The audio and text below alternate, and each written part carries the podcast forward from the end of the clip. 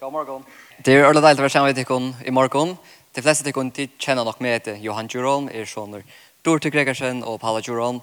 Jeg er ikke gjerne år her løtene. Jeg er oppvaksen her, jeg vil nekke virke nå i ungdomsarbeidet og nekke annet. Men senest tre årene jeg har jeg kona min, og jeg vil bo i England det her. Jeg lyser. Jeg har lyser business, så som lyser English literature. Og jeg er nå livet med mine masters, og jeg får så gang til mine, orsk, jeg livet med mine bachelor, jeg får gongt vi mine masters nå, i september. Og når jeg har tjeneste øyne løye komme atter i løvdene av en snakk borstår. Da vi flott i september 2019, da var vi i en ørnpikninge. Larsland var en annor. Nok stått av sånn at talersalen danser jeg med da. Et av de tingene som ikke er bra. Um, men av løgnet hatt, etla, ja, av løgnet hatt så kjennes det løye å komme atter her til snakk er bra. Men det føles eisende som å komme hjem. Så takk for at det ikke er vel mot meg sjøsene. Takk Ja, vi er utrolig glede for å være atter, og takk for mulighetene til alle. Talen kommer er det eitor, er hevda av godt. Og det kan kjennes som en sera løgn titel. Men som i egentlig egenlige talene, så har jeg faktisk valgt et helt annet evne. Men som vi ber å reflektere om mitt egna løy, så følte jeg som at hette det evne jeg skulle tale om. Og jeg vil kjenne det er den nøkere artikken som vi ikke ordentlig for å kunne relatere til det som jeg forteller om. Og kanskje for tikkene så får dette evne kjennes nærum absurd. Hva mer det er her det av godt? Men ja, som jeg langt fra så bygger vi jo i England, vi bygger en boie som heter Southampton, og vi tror vi ser det vel. Og når man har så føles det ofte som at det nesten trivas av vel. Kona min er videre gift nå i 3,5 år, og det er ungen i vi i at hentan perioden er den beste perioden i min løyve, inntil vi gjør det. Ikke eneste var jeg kona med det utrolig godt sammen, men vi har funnet en samkomme som er helt, helt fantastisk. Og jeg heter Lighthouse International Church. Og jeg er en alt sjåa samkomme vi nekva fantastiske mennesker fra imskom bakgrunden. Vi føler verlige at det som vi gjør samkomne gjør mån. I den jeg er en tjeneste som heter Homework Club, og jeg er en leksjekafé-tjeneste. Og her kommer hver vike med til fem og seks ung, og jeg er fra sik bakgrund.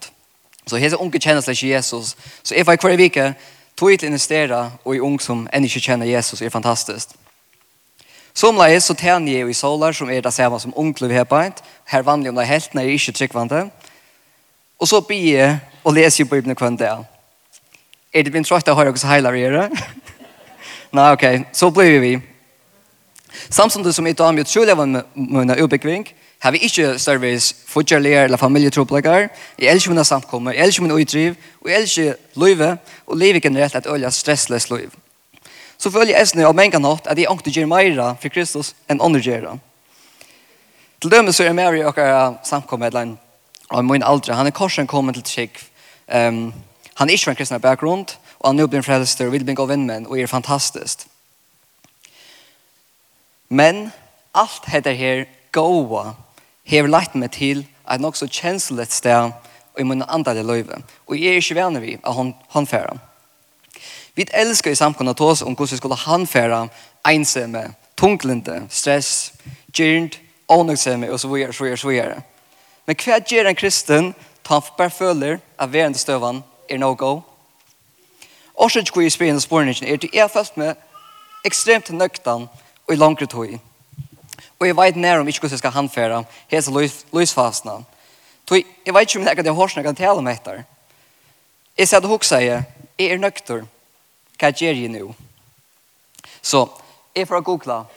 Jeg får googla um, When life is good, Christian. Så ta lov i godt, Christianity.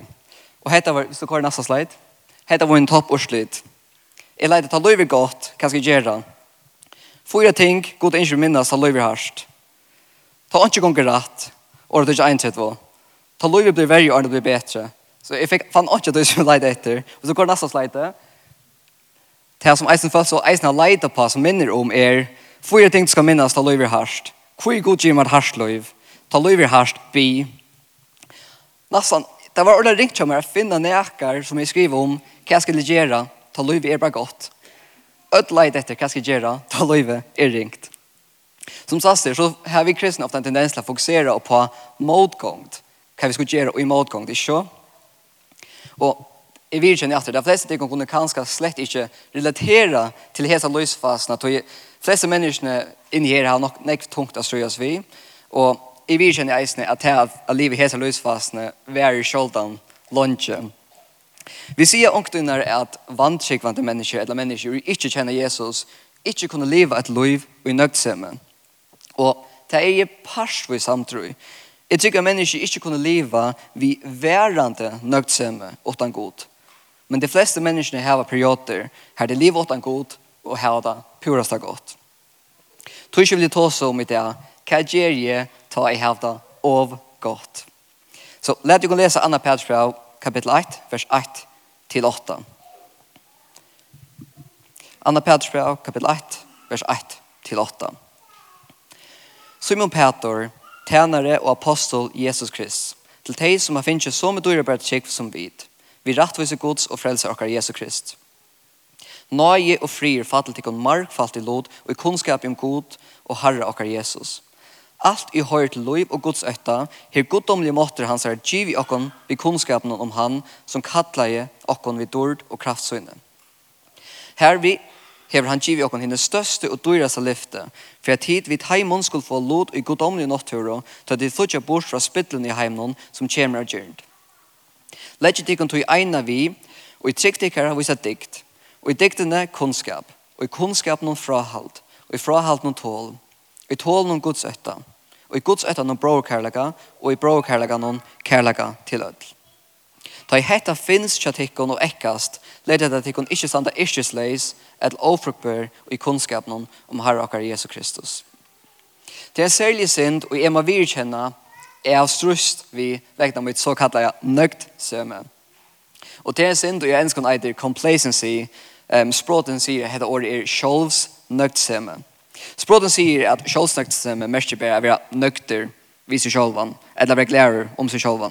Men det enska året är lösen mer nejligt så det bara kör den nästa slide. Complacency är enskon och läser vi så enskon self-satisfaction, especially when accompanied by unawareness of actual dangers or def deficiencies. Hetta lest om sitt mesjer, sjålsnøksemme, vanlig at man er otilvita vår om vantar, etla veikleikar. Og det er hentet synden som enska årløse og øye vel, som er struss vi. Jeg har strøst vi kjølsnøksemme, vanlig at man er åtilvitaver om vantar eller veikleikar i sin egna løyve. Så jeg gjerne legger den av at nøgtsemme i seg sjølvån er ikke en sint. I tvers måter så lærer Bibelen øye greit hver vi kunne finne nøgtsemme, og det er gode. Så det er ikke det som jeg taler om. Jeg taler om sjølvs nøgtsemme eller complacency på enskånd. Og at være sjølvsnøkner merker ikke naturlig at man er steg i her alt er godt. Det er godt når vi er født så der som er, men man kan eisen liva og i sjølvsnøksemme, til dømes om man er bunden av en er synd, og har bare valgt å godteka å hente synden i parsa med løyve. Da godteker bare være en støv som man er. Sjølvsnøksemme er eisen en stempan etter at liva at løyv i nøksemme fram om alt. Til tar vi bryr seg at okkar nøksemme fram om alt allt annat i okkar liv. Och vi ger det faktiskt till en avgod. Vi ska ha nöjt sig med. Jag kommer först och mina törver och god kommer nast. Så men ett helg till så vill jag inte tycka om att reflektera om tyckare liv.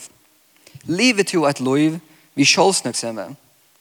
Er du mulig å tilvita eller å tilvita om veikleikar ut under livet? Så, hvor er sjølsnøksemme eller complacency en så vanda mykje sint? Det er også nekvar, nekvar årsøkjer, men jeg får nevne fyra årsøkjer her i morgen.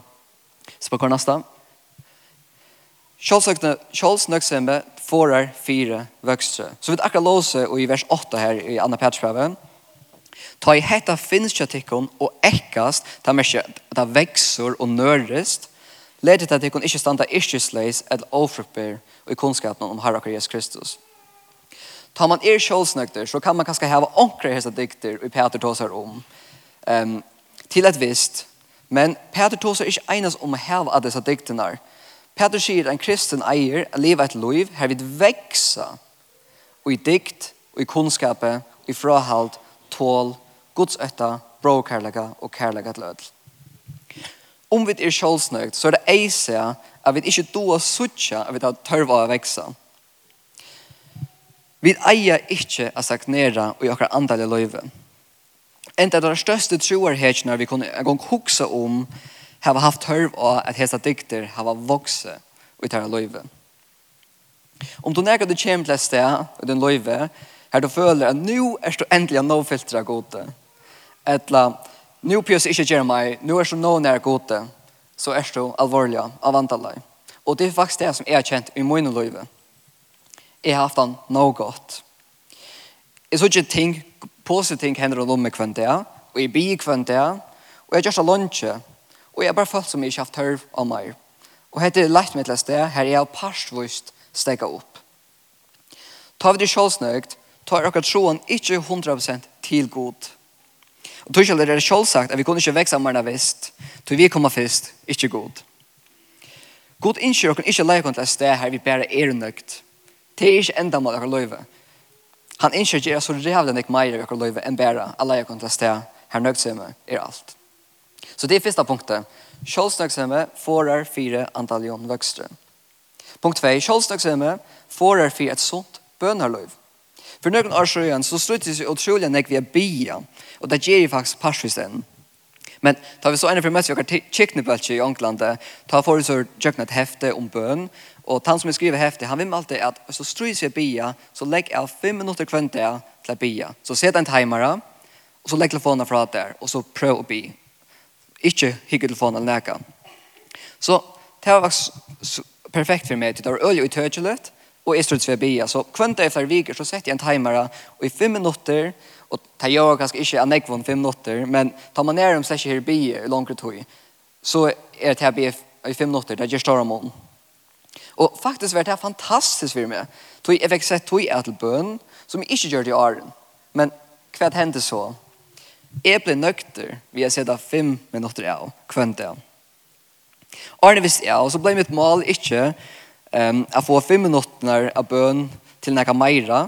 I stedet så var det bare noe jeg skulle gjøre. Fem minutter, det var det. Det som hjalp meg i begynnelsen när jag kom nærmere gode, det ble brått til en forring for at jeg kunne komme enn nærmere gode. Jeg klarer nå å be fem minutter kvann til. Men god, her kattler dere så ren jeg mer til. Jeg glemmer så først til Thessalonika 5. Be utan oihald. Takk i ødlom føren. Det er vilje gott. Guds vitikkon i Kristi Jesu. Filippera 4. Stor i ångkon 4.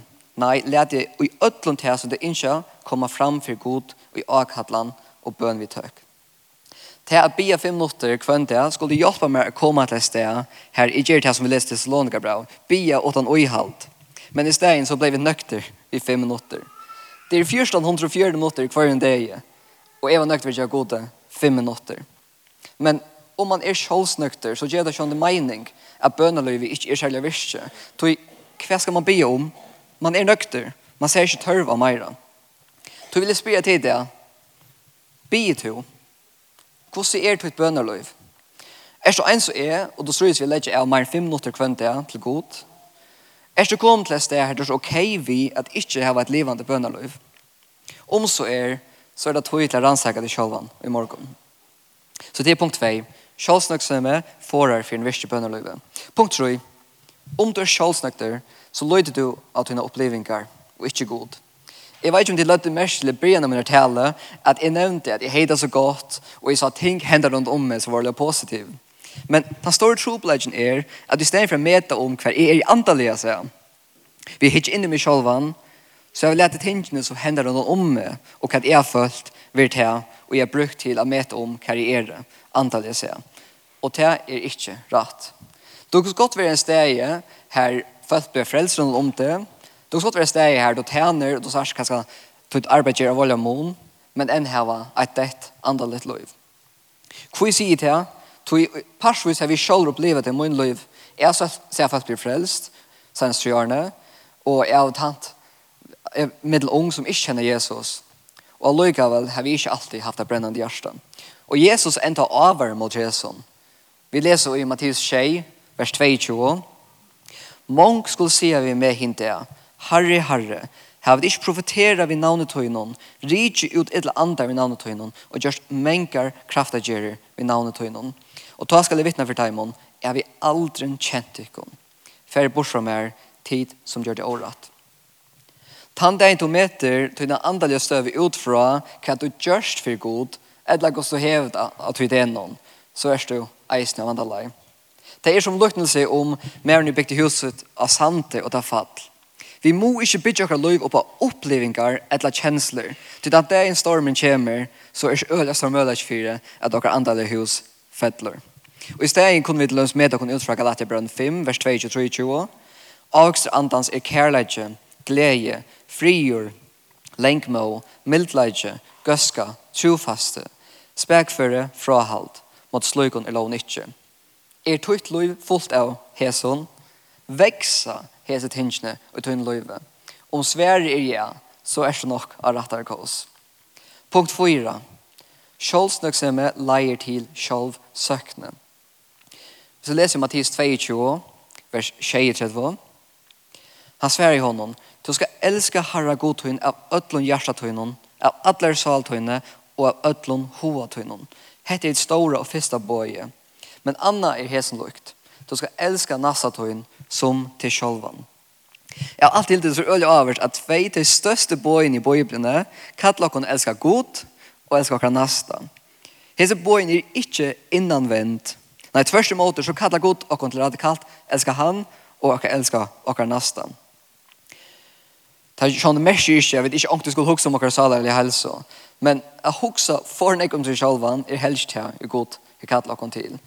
Ta vi bliva sjåls nøgt, så er det øyla kjøtt at bliva nalvaskoande og sjål fokusera over. Og er precis det her god hever ikkje kattla okkon til. Vi er kattla til å elska god, og okkar nasta, eins og Jesus gjør det. Jesus var totalt bunden av sine forholdet vi færer noen, og til Guds innskje at vi skulle eisne være totalt bunden av tog forholden. Så det er punkt 4. Sjålsnøksemme leier til sjålsøkne. Sjålsøkne Så bare for å tenke sammen om, til nok, nek andre punkt man kunne lagt at seg at, men kjolsnøksemme er en sin til det får er fyrvøkstre, det får er fyrvøkstre bønerløyv, det gjør så vi løyte av akkurat opplevinger og ikke god, og det kan eisen leie til sjolvsøkne. Så, hvordan kunne vi vinne av hese skjentene sjolvsnøksemme? At det er nok nek man kunne lagt, men jeg har tro poeng, og jeg vil enda talene vi. Først er røyna brøyd oppa tøyna daglige rutiner. Trobladje vi er vera sjåls nøkter er vi mengan ikke kunne sutja at vi heva tørva av brøyden eg akkar løyve. Det har vi i større mån ikke kjent at jeg har bruk for brøyden eg. Jeg har fælt blir frelst, jeg, har gong vel i oppbyggingsne, alt gong bra vel, så man ikke har tørva av brøyden eg. Jeg sted at heva en rutine, nek har fast arbeid, viner, alt køyre bæra og i løyvene tjokken. Tror ikke kan det være utrolig godt at brøyta og bråta rutinene Tui tar det ofta vi kunne sutja okkar loiv i en øron jose.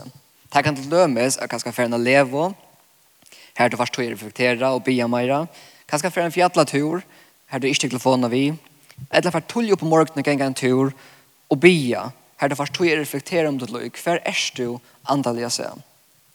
Mer rutina kan være ølja sunt og eisne andalit, så kan det eisne være foring fire at du gjør det stunder til å bruke tog samme i godet. Vi leser i Salmo 6, 4, 11, Haldi og pæt og sanne at jeg er god. Er høver mittel følgjene, høver av hjørne. Eller enn skal lese vidt, Be still and know that I'm God. Vi stittler og kjenn at jeg er god. Onket du så må vi brøyta og pakkar daglig rutine for vi kunne komme et sted her, god, her vi kunne sanna at god er god. Så til punkt 1. Røyn er brøyt til den daglige rutinen. Punkt 2. Se der fyrir jeg bruker tog sammen med gode kvønn det. Om vi lever et liv nær gode, så færer vi ikke leve et liv og i kjøls sjåls nøgtsomme. Det sier seg kjølt. Om vi lever et liv her god er okkar styrke, okkar vogn, og han som er tøytninger mest i okkar liv, så sier det seg kjølt at vi får lytte minne i okkar sjålve. Jeg har alltid elsket bønene til David i salm 193, Her sier, rannsaka meg god og kjenn hjertet mitt. Røyn meg og kjenn hoksene mine. Vita om era vannlokke lei og lei meg hin evige veien. Vanden vi er ved sjålsnøkter er at det kan være tropult å suttje om man er av vannlokke lei. Man er nøkter, ikke? Men se der fyrir er kvønte a bia og lort etter gode og bi hesa bøna som David bea rannsaka meg god, og kjenn hjertet mot røyn meg og kjenn hoksene mine. Vita om jeg er av vannlokk og lei, og lei meg hin evige veien. Om du blir hessa bønna vi Erlund Gjersta, så fer goda sværa til og han fer a røyna til. Tria og seinasa punkt. Bruka tog saman vi ørn sikvante.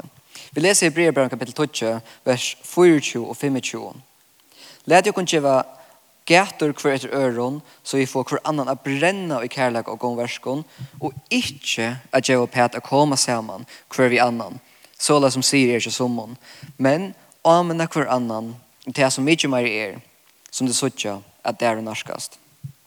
Vi er kattla til ikkje einas a bruka tui saman vi ørentryggvande som vi gjør det, men a amena hver annan, og elska hver annan, og etja hver øron a fylja gode. Hev tu nekan ut hun loive, og jeg spyr til hvordan hever det antallet, ja? Eller som oppmuntrar å bygge for det her. Og hva er vi til her? Bier til å fyre den vinnen, oppmuntrar du den vinner. Når er det du senest spør en vinnmann eller en vinkåne, hvordan hever det antallet, ja? Ein den største signingen og i min løyve er haft viner og elsker Jesus, og, og jeg har tåret at jeg oppgjør meg og spørs meg hvordan hever det antallet, ja? Eller jeg har tåret at ament meg. At amina viner er ein kærleiksgjer. Om du sørst at onker ikkje lever rett, eller er av vandalai, så er det ikkje en øndgjer, men en kærleiksgjer, a røkka ut til tarra. At heva føtterne om til, og tåra sia at du erst av vandalai, er godlverst. Så jeg oppmuntrar deg om, fær til dere vindet, et eller annet kjøtt, og spyr, gå så gong til antallet, og be sammen med dem. Det er vi kattler det til. Så til punkt 3. Bruk, bruk at vi sammen vi øre menneskene og ikke gjøre alt for god. Og i tårer være ærlig vi til. Så hver stand er vi kjølsnøksomme og i det. Jeg må tog være gjøtta at det strøys enn nek vese sintene. At teka god fram om alt i min løyve og løyta av han fram om nek anna er enn et strøy. Men jeg vet at det er strøyverst. Ikke er så fantastisk som å kjenne God og Jesus. Det er eneste God vi kan leie oss gjennom dette løyve og inn i all enleggene. Læt kan tøysel som samkommer, bia for hver øron, og være om hver annan, så vi ødt kunne ståla og etja hver øron, at leva radikalt fyrir han. Læt kan bia. Herre, vi prøver å takke deg for den morgenen, og takke deg for at du elskar oss, selv om vi er og totalt og perfekt herre. Og vi takker deg for at du nøye, hun er nødt kvann en morgen. Vi vil slå videre til skalt.